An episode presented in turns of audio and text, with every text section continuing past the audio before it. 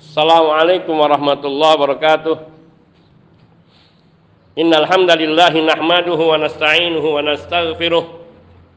Wa na'udzu billahi min shururi anfusina wa sayyiati a'malina. Man yahdihillah fala mudhillalah wa man yudlil fala hadiyalah. Wa ashhadu an la ilaha illallah wahdahu la syarika lah. Wa ashhadu anna muhammadan abduhu wa rasuluh sallallahu alaihi wa ala alihi wa sahbihi wa sallama tasliman katsira amma ba'd fa inna asdaqal hadithi kitabullah wa khairul hadi hadi Muhammadin sallallahu alaihi wasallam wa syarral umuri muhdatsatuha fa inna kulla muhdatsatin bid'ah wa kulla bid'atin dalalah wa kulla dalalatin finnar Ikhwani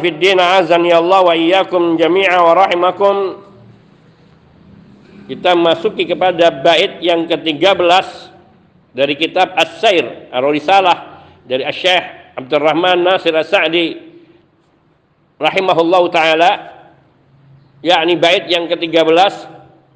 Beliau mengatakan nasahul khaliqata fi ridha mahbubihim bil ilmi wal irsyadi wal ihsani.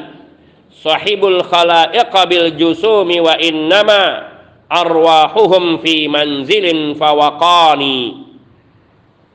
Ini ada dua bait yang beliau langsungkan jadikan satu karena saling berhubungan. Yaitu nasakhul khaliqata fi ridha mahbubihim. Orang-orang yang berjalan menuju kehidupan akhirat dan menuju ridha Allah azza wa jal.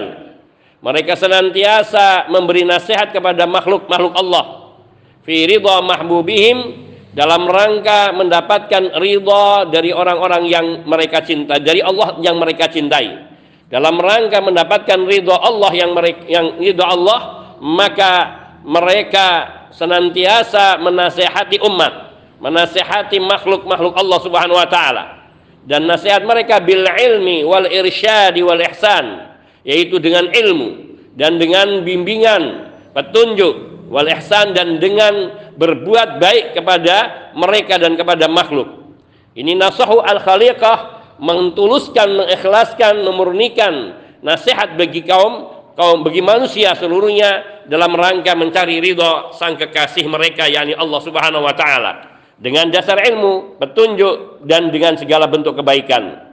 Sahibul khalaiq bil jusumi wa innama arwahuhum fi manzilin fawaqani bimanzilin fauqani.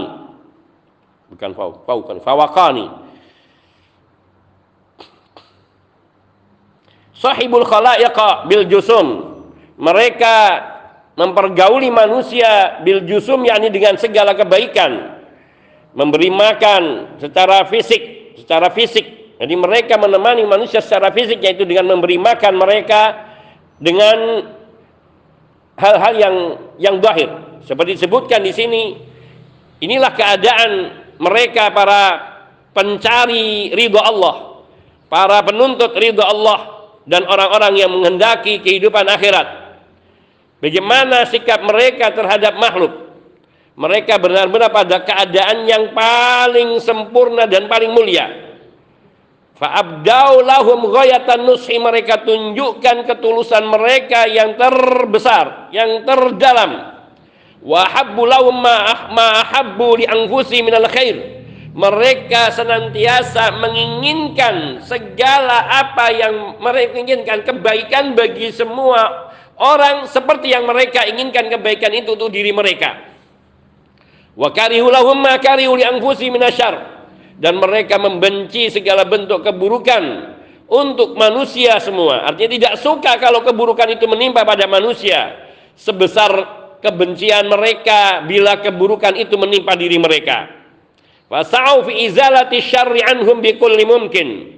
Maka kita melihat mereka bergegas, berusaha keras dan bergegas di dalam menghilangkan segala keburukan dari umat manusia.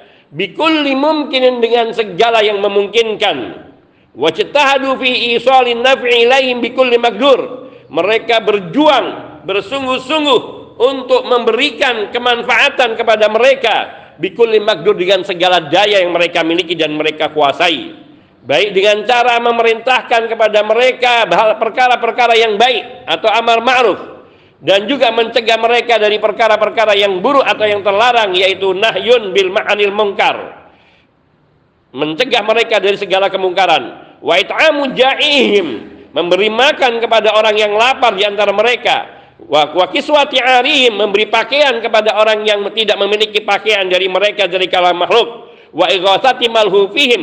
Dan menolong orang-orang yang tak berdaya di dalam kehidupan mereka yang papa. Wa ta'limi jahili jahilim mengajarkan orang-orang yang bodoh di antara mereka tentang agama Allah dan hak-hak Allah atas diri mereka. Wa dhalimihim dan menolak mencegah kezaliman orang-orang yang berbuat zalim dari mereka. Wa nasri dengan senantiasa memberikan pertolongan kepada orang-orang yang terzalimi. Wahtimali azahum dan mereka adalah orang-orang yang senantiasa memikul beban penderitaan dari umat yang mereka merasakan penderitaan dalam hidupannya. Wa kafihim anhum dan juga mereka mencegah jangan sampai diri mereka menyakiti daripada umat ma'ahada maka dengan ini semua fasuhbatuhum lahum bidzahir wal jism maka dengan ini semua mereka menemani yakni menggauli umat manusia secara zahir maupun secara fisik. Inilah makna sahibul khalaiq bil jusum. Mereka mempergauli manusia dengan jasad-jasad mereka, dengan sikap baik mereka. Wa inna arwahuhum fi manzilin dan roh mereka memiliki satu tempat fauqani yakni tempat yang tinggi sekali menaungi mereka semua. Wa amma qulubuhum. Nah ini makna yang kedua. Wa amma qulubuhum wa arwahum hati mereka, jiwa mereka, roh mereka. Fa innaha tajau tajulu haulal habib wa tatlubu min qurbihi a'dhama nasib maka sungguh jiwa mereka ia senantiasa berada di sekitar zat yang terkasih Allah Subhanahu wa taala wa tatlubu min qurbihi senantiasa berusaha untuk bisa meraih kedekatannya kepada Allah Sang Maha Pencipta yang terkasih. A'dhama nasib ingin mendapatkan bagian terbesar dari cinta Allah Subhanahu wa taala. Fataratan tankasiru baina yadayh wa tahsya'u wa takhda'u ladayh wa tawran tashkuruhu bihubbih wa tadullu alaihi listihdari birrihi wa kurbih tamilu ila maradih fatajtahidu fi ibadatih wa tuhsinu ila makhluqatihi kadang pula di lain waktu di satu masa jiwanya begitu besar mensyukuri akan kenikmatan cinta Allah Subhanahu wa taala kepada mereka atau kemampuan mereka karunia mencintai Allah Azza wa Jalla. Wa tadullu alaihi istihdari birri wa, wa dan rasa syukur ini ditunjukkan artinya hatinya tunjukkan tadullu alaihi jiwa mereka itu menunjukkan kepada cintanya atau kepada syukurnya kepada Allah Subhanahu wa taala. Istihdari untuk mendatangkan menghadirkan sikap berbuat baik kepada Allah Subhanahu wa taala, berbakti kepada Allah Subhanahu wa taala, mengabdi kepada Allah Subhanahu wa taala wa kurbih dan juga dalam rangka mendekatkan diri kepada Allah Subhanahu wa taala. Tsumma tamilu ila maradi kemudian ruh mereka, jiwa mereka, hati mereka akan cenderung kepada pengharapan terhadap ridha ridha Allah Subhanahu wa taala. Yani maknanya Orang-orang yang mereka meniti jalan akhirat. Orang-orang yang menginginkan kecintaan Allah Azza wa Jal. Orang-orang yang senantiasa mengharapkan ridho Allah. Mereka akan berjuang tidak saja dengan sikap mereka yang eksklusif, tidak bahkan jauh dari itu. Selain mereka memberikan ruang khusus bagi Allah Subhanahu wa taala dalam ubudiyahnya tapi mereka juga mempergauli umat manusia dengan hal-hal yang bisa menghantarkan ridho Allah Subhanahu wa taala yaitu dengan ilmu mengajarkan ilmu kepada umat mengajarkan ajaran-ajaran agama al-irsyad bimbingan petunjuk wal ihsan dan dengan berbuat kebaikan kepada mereka secara material maupun immaterial. Mereka mempergauli manusia dengan jasad mereka, dengan jisim mereka. Sementara roh mereka tidak pernah lalai di manzilin di rumahnya fauqani tinggi sekali. Yakni fi manzilin fauqani dia di rumah rohnya namun dia tinggi berusaha mendekat kepada Allah Azza wa Jal yakni ia mengembara dalam rangka meraih kecintaan Allah Subhanahu wa taala. Berusaha untuk mendapatkan porsi yang besar kedekatannya kepada Allah Subhanahu wa taala. Sehingga ia tundukkan dirinya di hadapan Allah. Dia tundukkan, dia rendahkan dirinya di hadapan Allah dan senantiasa menunjukkan rasa syukurnya kepada Allah Subhanahu wa taala karena telah dikaruniai kecintaan kepada Allah tabaraka wa taala. Ruhnya menunjukkan hal itu dengan sikap yakni menghadirkan hati berbuat baik kepada Allah, mendekatkan diri kepada Allah, kemudian ia akan condong kepada ridha Allah Subhanahu wa taala. Fatactaidu bi ibadatih pada posisi yang seperti inilah maka ia jiwa ruhnya senantiasa beribadah mengabdikan diri kepada Allah Subhanahu wa taala wa tuhsinu ila makhluqatihi dan berbuat kebaikan kepada semua makhluk karena berbuat baik kepada makhluk adalah merupakan bagian dari ataupun merupakan salah satu cara dan jalan menuju ridha Allah Subhanahu wa taala. Fahaula humun nas bal humul uqalaul aqyas wala haula wala quwata illa billah. Mereka adalah orang-orang mereka lah yang dinamakan dengan orang-orang manusia. Bahkan mereka itulah orang-orang yang berakal, orang-orang yang cerdas. Wala haula wala quwata illa billah dan tidak ada daya maupun kekuatan dengan pertolongan Allah. Maksudnya mereka inilah yang hakikatnya manusia-manusia sejati mereka ya orang-orang yang menggunakan akal pikiran sehatnya.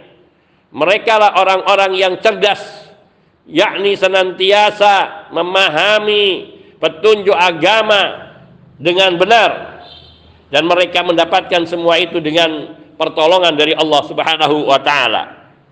Ini poin ataupun bait ke-13 dan ke-14 bahwa di dalam rangka mencari ridha Allah, kecintaan kepada Allah tidak hanya terbatas pada peribadatan langsung kepada Allah saja, namun juga ada hablum minallah, harus ada hablum minan nas, bahwa hubungan antara seseorang dengan manusia lainnya merupakan sikap mereka yang bagaimana merupakan bagian yang juga menentukan jalannya menuju Allah Azza wa Jalla. Bait ke-15. Billahi da'awatul khalaiqi kulliha khaufan 'alal imani min nuqsani. Billahi da'awatul khalaiqi kulliha. Hanya kepada Allah dengan pertolongan Allah lah seruan mereka kepada seluruh makhluk khaufan 'alal iman min nuqsani karena takut keimanannya berkurang. Hadhi manzilatur riayah li haqaiqil imani wa masyahidil ihsan. Ini adalah kedudukan kedudukan muraqabah riayah yaitu kedudukan pengawasan dari Allah Azza wa Jalla pada diri hamba sang hamba merasa dirinya dalam pengawasan Allah Subhanahu wa taala dan ini adalah hakikat daripada keimanan. Yakni ketika iman itu mencapai kepada tingkatan hakiki ketika sampai kepada kepada tingkat yang sebenarnya yang tinggi maka sungguh seseorang akan senantiasa merasa di dalam pantauan pengawasan Allah tabaraka wa taala.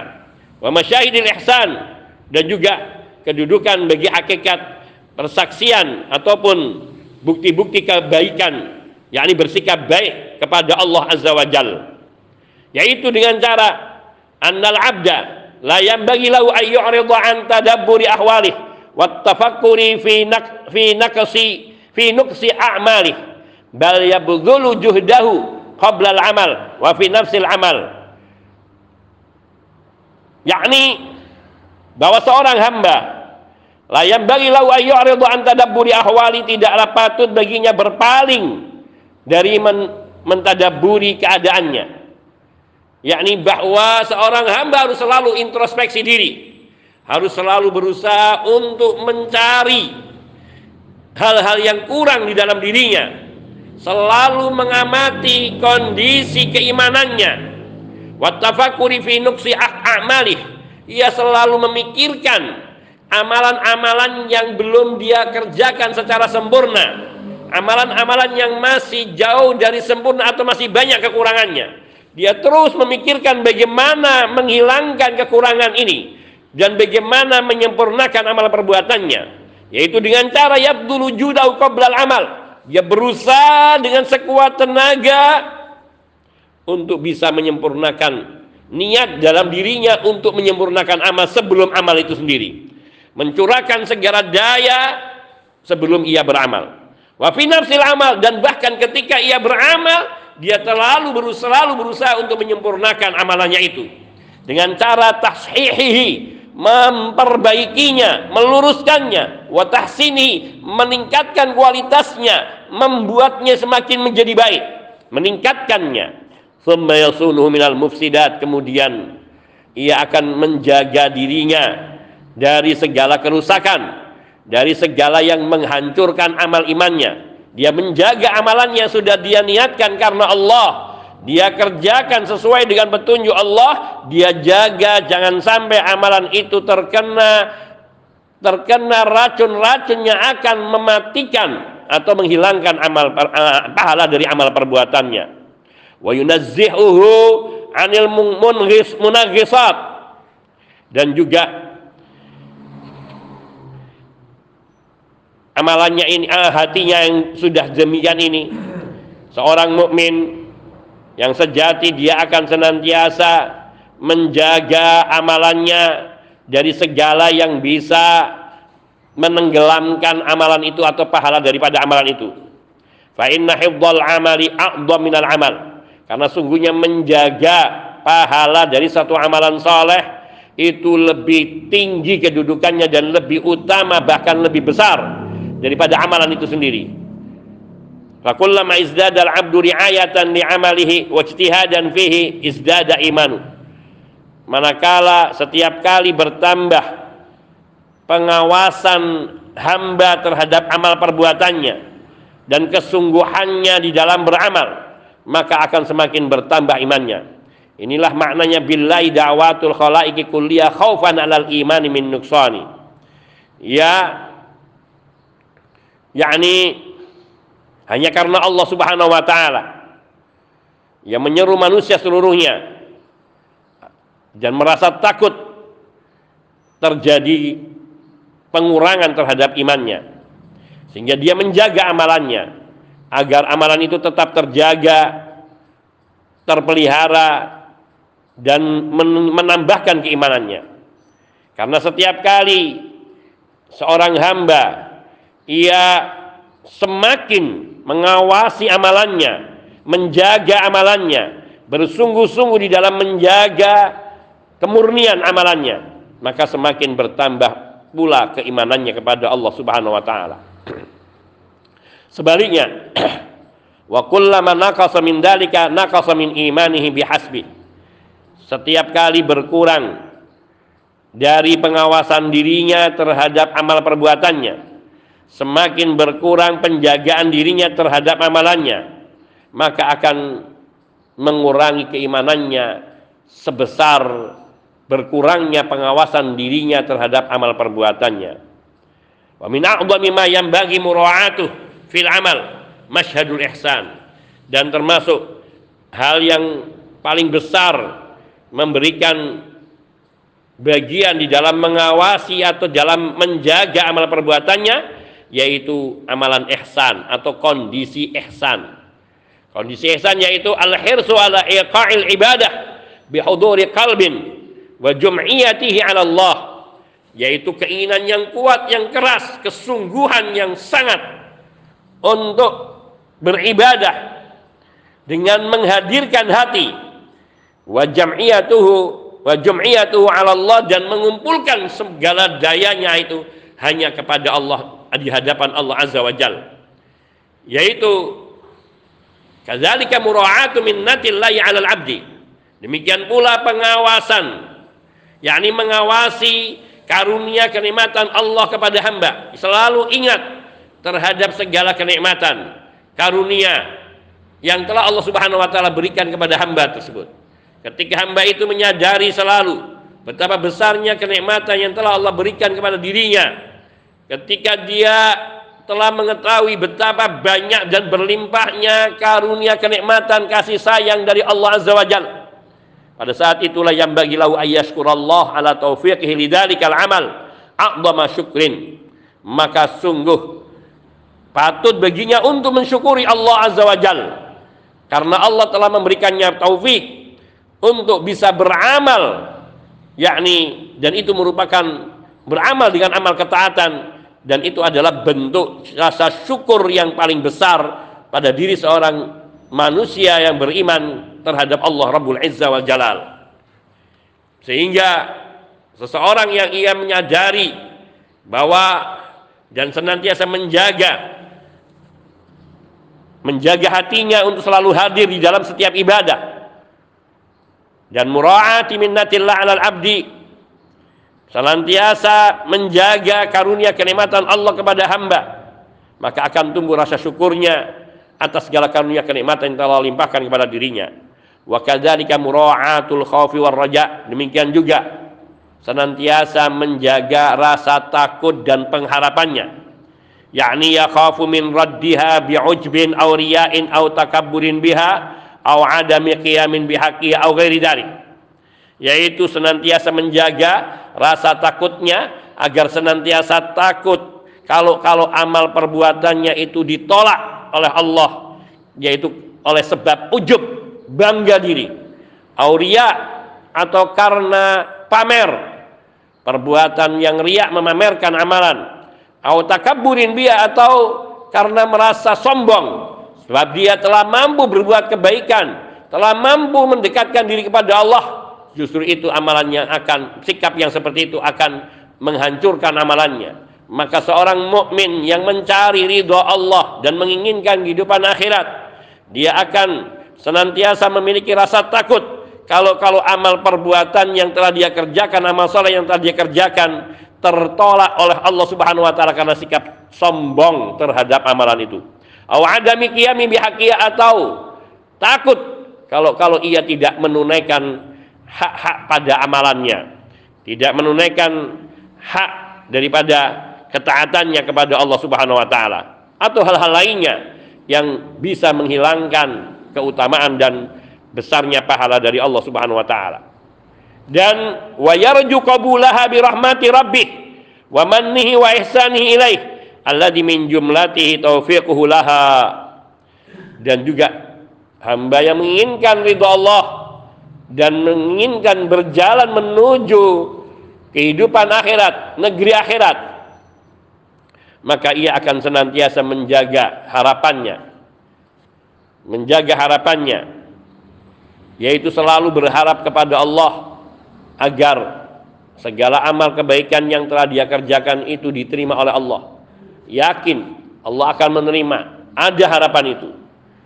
Dan diterimanya amalan ini bukan karena apa-apa tapi karena rahmat Allah Subhanahu wa taala Rabbnya dan karunia dari Allah semata serta kebaikan Allah kepada dirinya bukan bukan karena yang lainnya.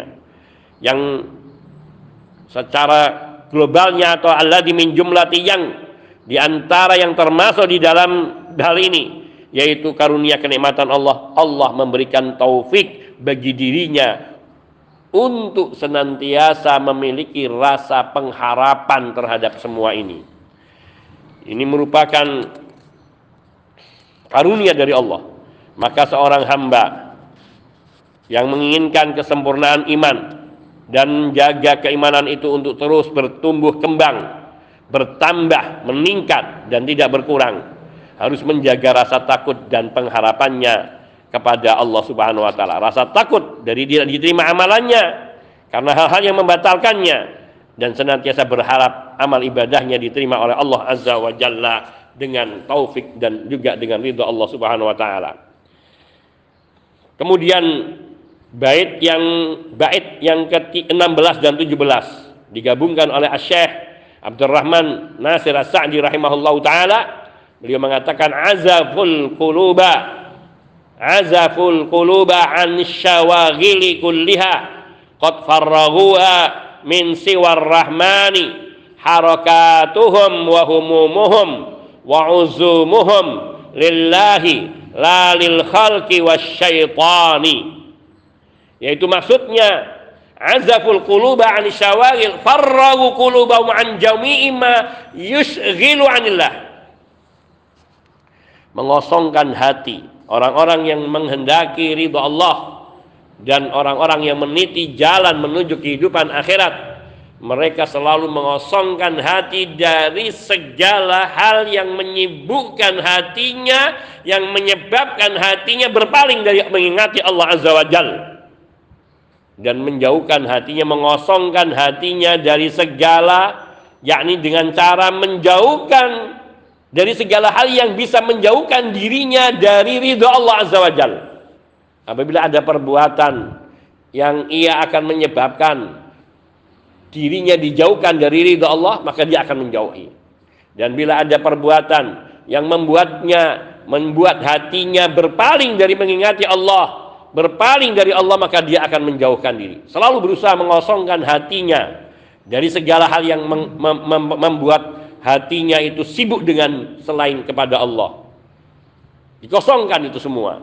Dan ia juga mengosongkan hatinya dari segala hal yang dapat menjauhkan dirinya dari ridho Allah.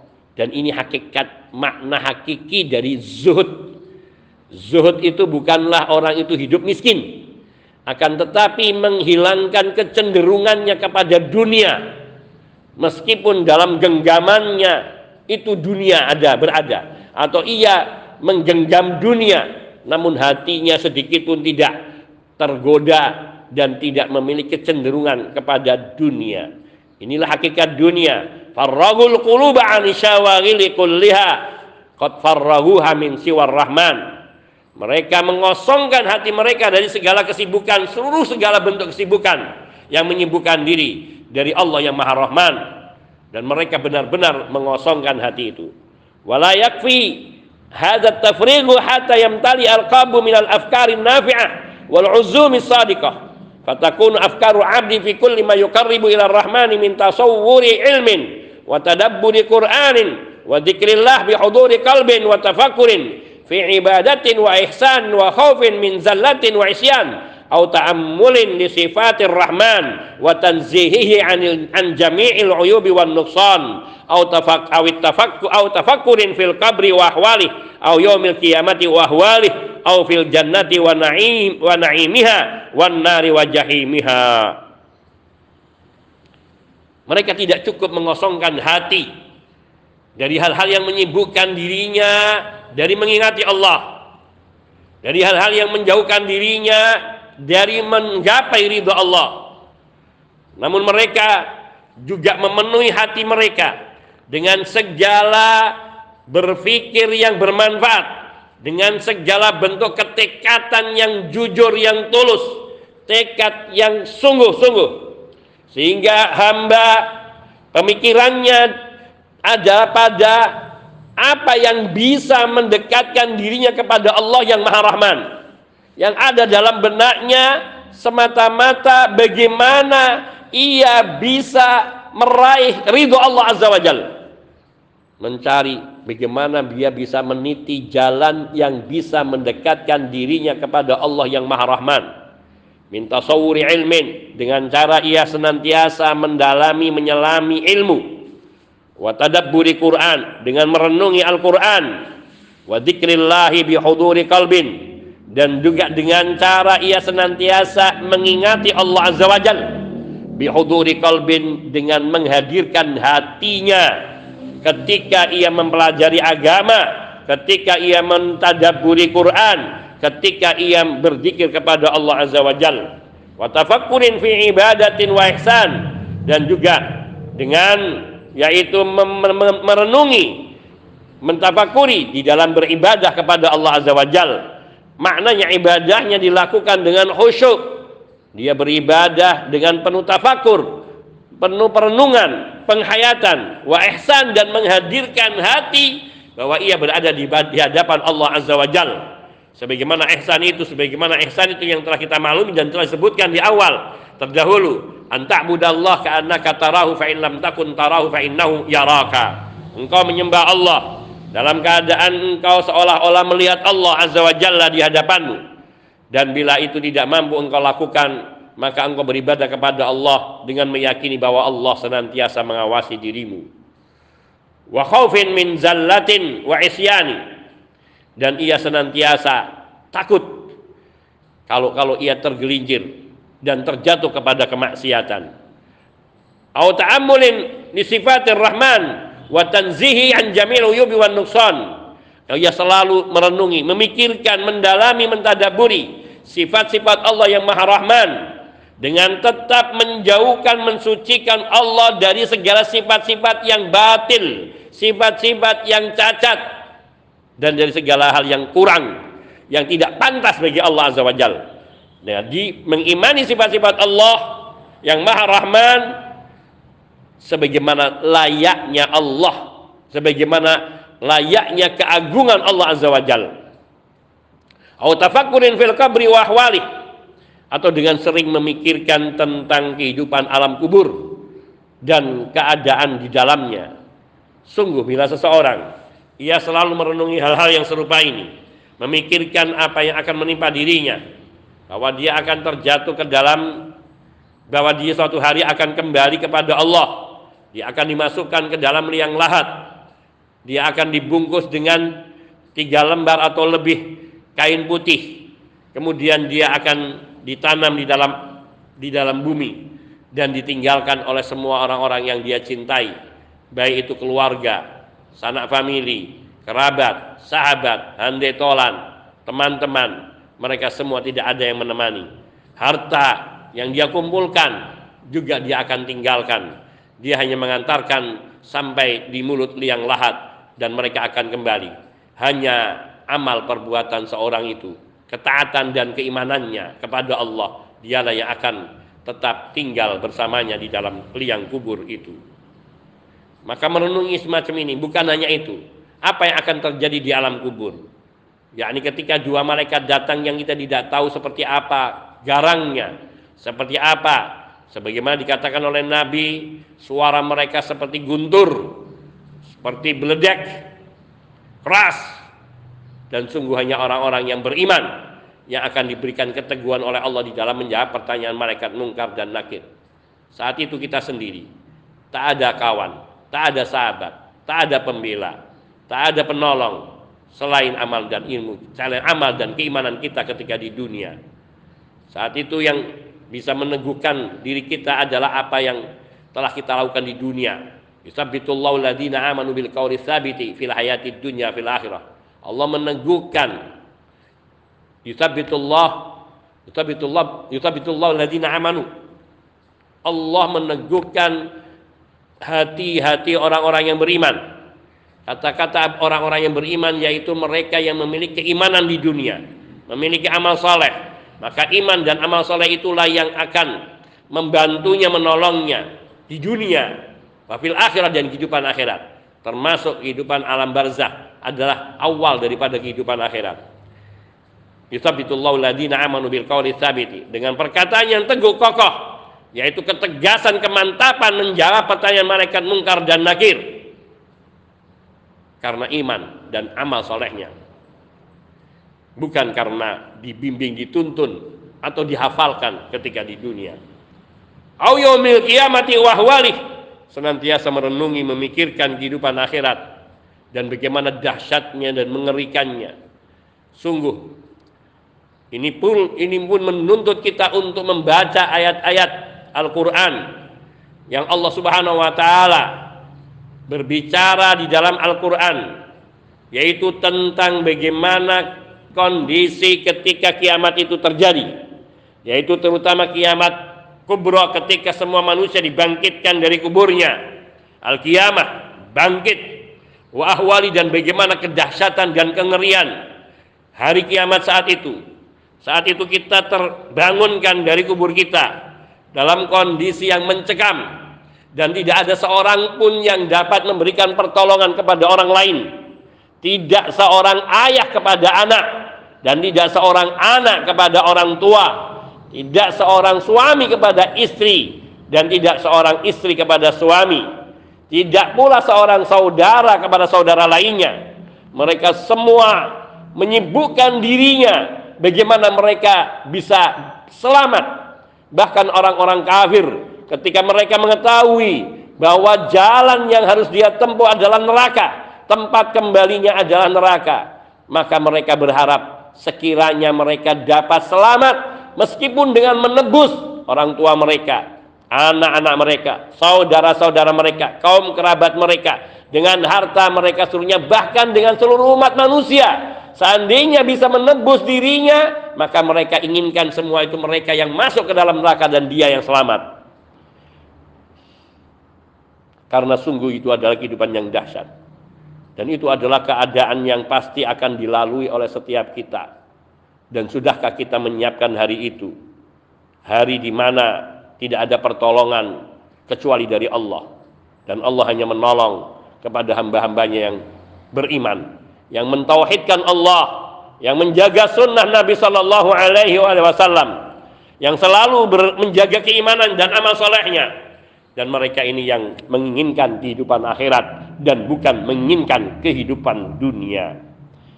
Aufil jannati wa atau ia memikirkan tentang surga, merenungi tentang surga dan segala kenikmatan yang telah Allah sediakan di dalam surga. Sungguh bila kita membaca ayat-ayat Al-Qur'an, merenungi ayat-ayat suci Al-Qur'an, mentadabburi ayat-ayat yang berbicara tentang surga dan berbagai kenikmatan di dalamnya, dari mulai bangunan-bangunan di dalam surga yang dilapisi, dilapisi permata, mutiara, inten dan sebagainya. Dan berbagai kenikmatan-kenikmatan yang tidak akan pernah punah. Kenikmatan-kenikmatan yang tidak akan pernah sirna. Kenikmatan-kenikmatan yang selalu akan mengiringi kehidupan para penghuninya. Abadal abidin. Selama-lamanya. Khalidina fiha abada mereka akan tinggal di dalam surga kekal selama-lamanya. Radhiyallahu anhum wa radu'an. Allah ridho kepada mereka dan mereka pun ridho puas dengan segala apa yang Allah berikan kepada mereka. Dan Allah tidak memberikan segala kenikmatan itu kecuali kepada orang-orang yang Allah ridhoi. Radhiyallahu anhum wa radu'an. Dzalika liman khasyya. Sungguh surga yang seperti itu hanya Allah berikan liman khasya robba untuk orang yang memiliki rasa takut kepada Tuhannya. Yakni takut kalau kembali kepada Allah azza wa jal dalam keadaan masih membawa dosa tidak diterima amalannya memiliki kekurangan yang banyak. Sungguh orang-orang terdahulu yang hidup mereka mereka banyak curakan untuk mengabdi kepada Allah untuk mentaati Allah beribadah kepada Allah pun ketika menjelang akhir hayatnya mereka masih menangis. Mereka mengkhawatirkan diri mereka. Seperti Abu Hurairah radhiyallahu taala ketika ditanya mayubki ya Abu Hurairah? Apa yang membuat engkau menangis wahai Abu Hurairah? Aku tidak menangisi dunia kalian yang aku tidak miliki. Aku tidak menangisi kehidupan dunia ini yang aku takuti, yang aku nangisi, yakni aku ini berada di antara penghujung jalan. Atau di antara persimpangan dua jalan. Atau di, di ujung di ujung tombak. Seperti seekor atau seperti sebuah sebutir telur di, di, di ujung tombak. Yang aku tidak tahu ke mana ia akan jatuh. Dan saat itu hanya ada dua jalan surga atau neraka. Aku tidak tahu apakah aku dilemparkan ke dalam surga atau aku akan dilemparkan ke dalam neraka naudzubillahi minan nar. Atau perkataan yang sejenisnya betapa aku tidak menangisi dunia kalian. Namun betapa masih jauh perjalanan yang harus aku tempuh. Sementara sedikit amalan yang aku miliki. Betapa mereka para sahabat radhiyallahu taala anhum yang sepanjang hidupnya sejak bertemu dengan Nabi mereka beriman kepada Nabi. Sampai akhir hayat Nabi dan sampai akhir hayat mereka. Yang mereka curahkan dalam ketaatan kepada Allah Azza wa Jal. Namun tidak membuat mereka sombong, puas, bahkan mereka masih merasa takut kalau mereka itu akan dilemparkan ke dalam neraka. Maka memikirkan tentang surga dan segala kenikmatannya akan mendorong kita untuk senantiasa mengingati Allah Azza wa Jal untuk mengabdikan diri kepada Allah Azza wa Jal. Juga merenungi kehidupan neraka dan panas bergejolaknya api di dalam neraka. Betapa banyak ayat-ayat suci Al-Quran yang semuanya menceritakan bila kita merenunginya, kita baca tafsirnya tentang kehidupan akhirat bagaimana mereka yang berada di dalam neraka yang tidak dikeluarkan lagi yakni karena kekafirannya karena kesyirikan-kesyirikan besar yang mereka lakukan ketika di dunia. Kemunafikan-kemunafikan hati yang senantiasa menggerogoti iman mereka sehingga cahaya iman itu padam dan mereka berada di dalam kegelapan kemunafikan sehingga Allah menjemputnya dalam keadaan demikian. Wal billah naudzubillahi minan nifaq wa naudzubillahi min su'il khatimah. Maka dia akan menempati neraka yang kekal di dalamnya. Ataupun sekiranya seorang itu masuk neraka dan akan dikeluarkan namun sungguh penderitaan se sedetik saja di kehidupan neraka akan melupakan segala kenikmatan-kenikmatan duniawi yang pernah Allah berikan kepadanya. Lalu bagaimana bila ia tinggal di dalamnya ribuan tahun? Satu hari di kehidupan akhirat seperti seribu tahun. Wa yaumun inda rabbika wa yaumun inda rabbika ka alfi sanatin mimma ta'uddun dan satu hari di sisi Rabbmu seperti seribu tahun sebagaimana engkau bilang. Maka merenungi hal-hal serupa, serupa ini. Mentafakuri kehidupan kubur. Mentafakuri ke hari-hari kiamat dan kengeriannya. Hal-hal yang mencekamnya. Mentafakuri kehidupan surga dan segala kenikmatannya. Mentafakuri kehidupan neraka dengan segala jahimnya. Penderitaan-penderitaannya maka ini akan mengurangi dan bahkan secara bertahap dapat menghantarkan seorang untuk meniti jalan ridho Allah dan meniti jalan kehidupan akhirat ataupun negeri akhiratnya. Fa'afkaruhum ha wa afkaruhum haimatun haula hadil umur.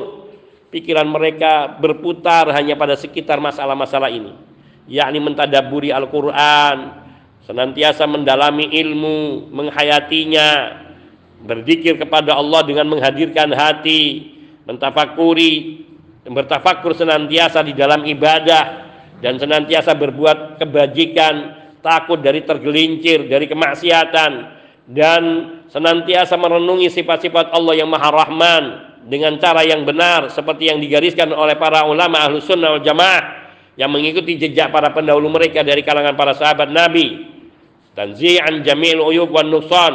Yaitu dengan senantiasa mensucikan Allah dari segala kekurangan dan segala yang cacat dan mentafakuri kehidupan alam kubur dan segala kondisi yang ada di dalamnya. Mentafakuri hari kiamat di hari di manusia dibangkitkan dalam keadaan tidak memiliki apa pun bahkan tidak memiliki modal sepersen pun. Dan dia harus berhadapan dengan hari yang mengerikan di hadapan Allah Azza wa Jalla atau merenungi tentang surga dan berbagai kenikmatannya atau mentafakuri diwan neraka dengan segala kengeriannya dan segala penderitaan yang dialami oleh para penghuninya. Pemikiran mereka akal pikiran mereka hanya ada pada masalah-masalah ini. Mutanazzihatun an daniyatil umur. Mereka menjaga diri mereka mensucikan diri mereka membersihkan diri mereka dari perkara-perkara yang rendah dari urusan-urusan yang hina wa tafakuri bima la yujdi an ala sahibi illal hamma wal wabal. Mereka menjauhkan diri dari segala perenungan dari pemikiran-pemikiran terhadap hal yang tidak akan memberikan manfaat bagi dirinya kecuali hanya akan mendatangkan kesedihan dan bencana belaka. Wa waktu hanya akan menghabiskan waktu belaka. Wa bal hanya akan memecah hati belaka. Wa ghairi nafi'in 'abdi fil hali wal ma'al dan juga tidak memberikan manfaat bagi hamba di kehidupan sekarang maupun di kehidupan ketika dia kembali menghadap Allah Azza wa Jal. Mereka menjaga diri mereka, menjauhkan diri mereka dari segala hal yang rendah ini.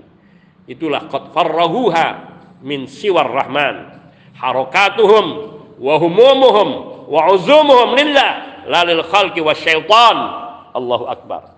Segala gerak-gerik mereka segala keinginan dan himmah mereka, dorongan mereka, keinginan mereka, tekad mereka hanya mencari ridho Allah Azza wa Jal. Bukan mencari ridho makhluk, bukan mencari ridho syaitan. Inilah keadaan orang yang menginginkan kehidupan akhirat dan menginginkan ridho Allah Azza wa Jal. Dan bait yang ke-18 adalah bait yang terakhir. Beliau mengatakan dalam bait ini ni'mar rafiqu li talibis subul allati tufdi ilal khairati wal ihsani.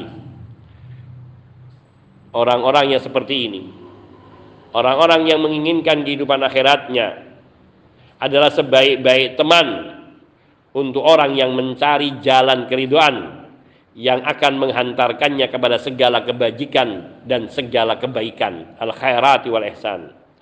Fahaula humul ladina yas'adu bihim rafiqum. Mereka orang-orang yang menginginkan kehidupan akhirat ini orang-orang yang mempergauli mereka orang-orang yang bergaul berteman dengan mereka. Seakan bahagia.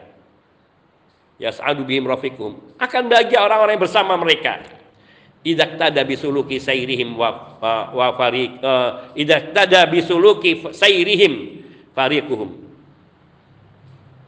Bila mereka mau mengikuti meneladani meniti jalan yang ditempuh oleh orang-orang yang menginginkan kehidupan akhirat ini. Wa ulai ladina amaranallahu an nas'alahu yahdiyana tariqahum id an'ama alaihim bisidqi imanihim wa tahqiqihim. Orang-orang yang mengendaki kehidupan akhirat seperti inilah. Orang-orang yang mencari ridha Allah azza wa jal yang disebutkan sifat-sifatnya oleh Asy'al Allamah Syekh Abdurrahman bin Nasir As-Sa'di rahimahullahu taala Orang-orang yang disebutkan oleh beliau sifat-sifatnya dari awal sampai dengan bait ke-17 ini adalah orang-orang yang kita diperintahkan oleh Allah agar kita memohon kepada Allah. Semoga Allah membimbing kita memberi petunjuk kepada kita untuk meniti jalan mereka. Ketika id an'ama alaihim bisidqi imanin karena Allah Subhanahu wa taala memberikan kenikmatan kepada mereka karena ketulusan iman mereka. Dan karena mereka membuktikan keimanan mereka. Dalam bentuk ketaatan mereka dan ketundukan mereka di dalam beribadah kepada Allah Azza wa Jalla. Nasalullah ayyahdiyana siratal mustaqim. Maka dari itu kita memohon kepada Allah.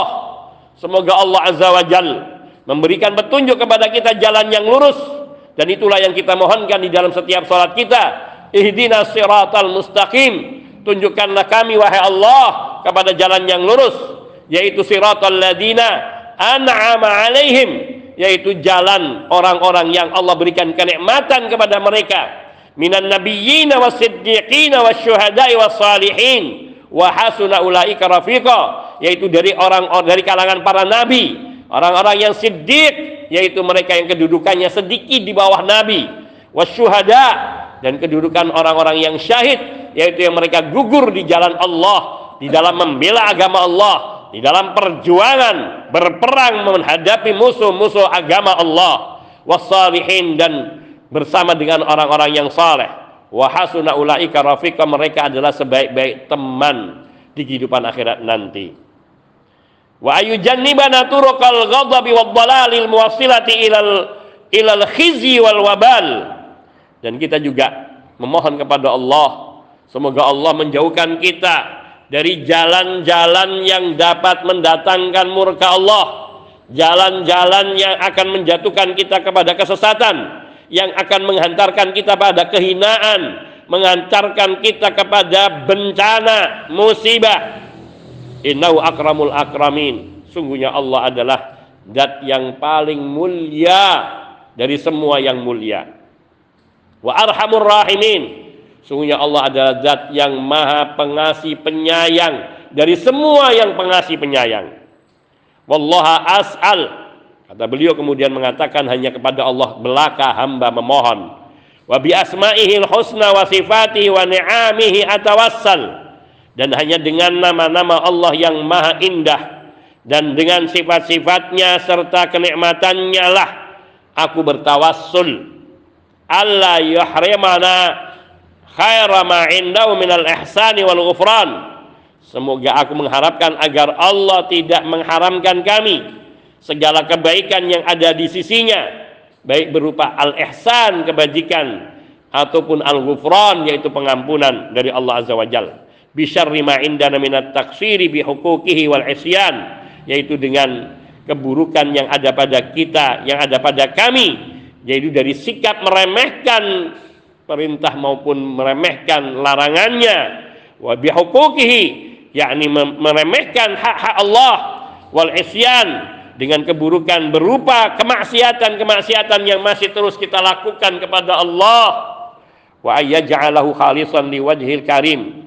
Dan semoga Allah menjadikan amal kebaikan hamba adalah amalan yang mukhlis amalan yang tulus ikhlas liwajhil karim yang semata-mata hanya mengharapkan wajah Allah yang maha mulia wa sababan lil fauzi indahu fi jannatin naim dan hamba memohon kepada pada Allah Subhanahu wa taala semata untuk yakni menjadikan amal soleh hamba ini sebagai jalan dalam rangka meraih kemenangan yang ada di sisi Allah yaitu di dalam surga-surga yang penuh dengan segala kenikmatan. Walhamdulillahi rabbil alamin awalan wa akhiran wa zahiran wa batinan hamdan kathiran mubarakan fih kama yang bagi li karami wajhi wa izzi jalali. Segala puji bagi Allah Rabbul Alamin Tuhan pencipta pengatur penguasa pengawas alam semesta. Awalan wa akhiran dari awal sampai akhirnya zahiran wa batinan baik zahir maupun batinnya hamdan kathiran dengan pujian-pujian yang banyak. Mubarakan fih yang dipenuhi dengan segala kebaikan. Kama yang bagi yaitu dengan pujian yang patut. Likarami wajhihi yang sesuai dengan kemuliaan wajahnya. Wa izzi jalali dan keagungan daripada dirinya zatnya. Di sini Syekh Al-Allamah Abdurrahman bin Nasir As-Sa'di rahimahullah taala di bait ke-18 menceritakan kenikmatan yang tertinggi adalah berkawan dengan orang-orang yang saleh, orang-orang yang mereka dijanjikan oleh Allah Subhanahu wa taala akan dikumpulkan di surga yang penuh dengan kenikmatan itu bersama para nabi, siddiqin, syuhada, salihin. Mereka inilah orang-orang yang nanti akan merasakan kebahagiaan. Orang-orang yang bergaul dengan orang-orang yang menginginkan kehidupan akhirat, mereka ini yang akan memperoleh kebahagiaan. Mereka ini yang kita senantiasa memohon kepada Allah Subhanahu wa taala untuk diberi kekuatan, diberi hidayah. Hidayah itu taufik, untuk mengikuti jejak mereka, bergaul dengan mereka dan menjauhkan kita dari segala segala jalan yang menimbulkan kemurkaan Allah dan kesesatan yang menghantarkan kepada kehinaan. Kemudian beliau mohon kepada Allah Subhanahu wa taala dengan asmaullah al-husna dan sifat-sifat Allah yang maha tinggi dan dengan segala kenikmatan yang telah Allah berikan. Beliau bertawasul berperantara dengan nama Allah, sifat-sifat Allah dan kenikmatannya agar Allah Subhanahu wa taala menjauhkan kita semua dari segala men, jangan sampai Allah menjauhkan kita semua dari segala kebaikan yang ada di sisi Allah Subhanahu wa taala. Baik itu berupa ihsan dari Allah maupun ghufran, pengampunan dari Allah Subhanahu wa taala. Meskipun kita menyadari betapa kita ini masih jauh dari memenuhi hak-hak Allah Azza wa Jalla. Banyak perintah-perintah Allah yang kita abaikan dan betapa seringnya kita masih terjatuh di dalam kemaksiatan-kemaksiatan Bahkan di saat Allah memberikan kenikmatan kepada kita, kita bermaksiat kepada Allah Azza wa Jal. Bahkan kadang-kadang kita iringi dengan ketawa. Yang ini namun Allah yang Maha Rahman. Allah Subhanahu wa taala. Meskipun dengan segala kondisi kita ini kita senantiasa memohon kepada Allah bertawasul dengan nama-namanya yang maha indah dan sifat-sifat yang maha tinggi dan dengan kenikmatan-kenikmatan yang telah Allah limpahkan kepada kita agar Allah Subhanahu wa taala menjauhkan kita dari segala yakni keburukan ancamannya dan semoga Allah menjadikan amalan yang kita lakukan ini adalah amalan yang mukhlis yang hanya mengharapkan wajah Allah semata. Dan mudah-mudahan amalan ini menjadi sebab untuk untuk dapat meraih kemenangan di sisi Allah Subhanahu wa taala berupa tinggal berdiam di dalam surga. Dan kemudian beliau memuji Allah Rabbul Alamin dengan pujian-pujian yang sangat sangat sempurna. Pujian-pujian yang awal sampai akhir dohir maupun batin. Dengan pujian-pujian yang penuh dengan keberkahan yang sesuai dengan keagungan kemuliaan wajah Allah dan Rabbul Jalal wal Izzah. Wa sallallahu ala nabiyyina Muhammadin ala Muhammadin nabiyil ummi al mab'uthi rahmatan lil alamin wa ala alihi wa sahbihi ajma'in wa sallim tasliman katsira Assalamualaikum warahmatullahi wabarakatuh